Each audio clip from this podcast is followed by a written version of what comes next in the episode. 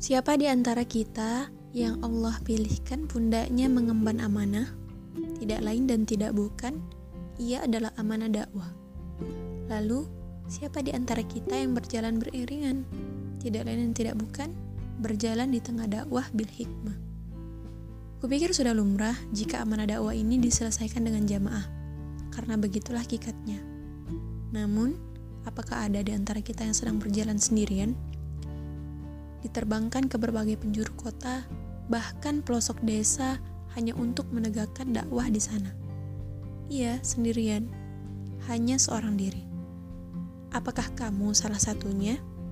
Atau kamulah satu-satunya? Tak mengapa.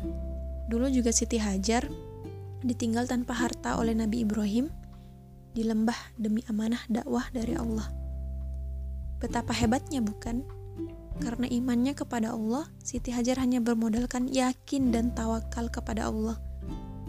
Ya, begitulah seharusnya cinta, menguatkan iman, kemudian semangat menebar kebaikan. Karena, sekali lagi kukatakan, dakwah adalah cinta.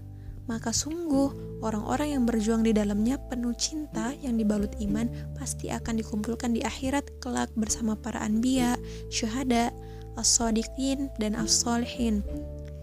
Jadi, masih mau bilang kamu sendirian? Sudah kubilang kan, kamu tidak sendirian.